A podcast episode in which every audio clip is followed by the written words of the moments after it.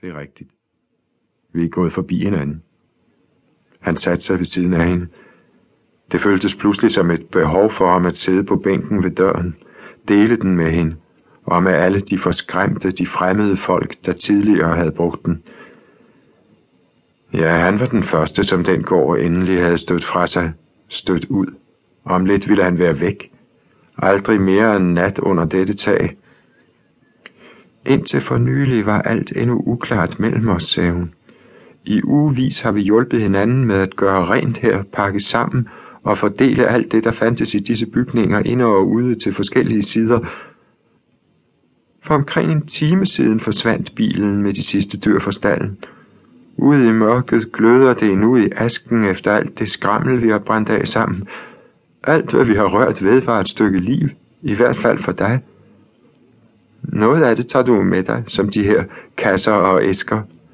Sifonjæren og uret, skabet derinde.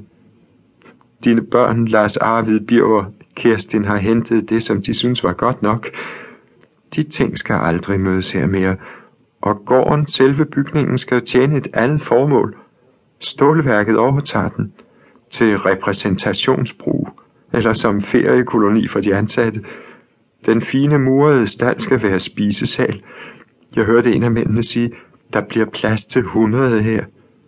På markerne skal der plantes grænskov, så der kun bliver åbent ved skråningerne ned til søen. Han afbrød hende. Dømmer du mig? Nej, jeg beundrer dig. I al den tid, hvor vi har hjulpet hinanden med at rydde ud her, har jeg tit set på dig. Dit ansigt har været som en sten ved havet. En sten ved havet? Ja, som en sten, der er blevet slebet af vind, vand og sol. Noget blidt og venligt midt i det urokkeligt tunge.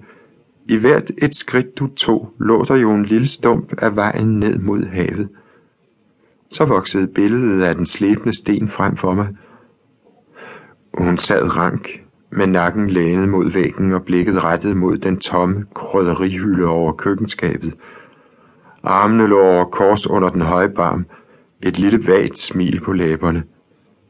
Nej, hun lignede ikke en af de mange ængstelige, trætte, urolige, som plejede at sætte sig lige der, hvor hun nu sad. Så hører han hende i den mørke stillhed i gården. Jeg ville fortælle dig det med den frygt, jeg går med. Om det, der kan gribe mig ligesom midt i et skridt. Men jeg har aldrig mærket det, når du var nær. Jeg ville fortælle dig det med, hvordan jeg har det inde i mig for det tilfælde, at du ville ombestemme dig, før det var for sent. Hun tager og sad ubevægelig igen. Hendes øjne bad ham ikke om noget svar. Stemmen var klar og sikker, uden den mindste antydning af selvmedlidenhed. Det lød i stedet for, som om hun roligt afventede hans tvivlrådighed. Han lod hende sidde i tavshed, med den fornemmelse, at hun ikke havde talt ud endnu. Så sagde hun da også, Her er jeg. Her er mit svar på havet. Jeg har ventet næsten et helt liv på at komme til at give dig det.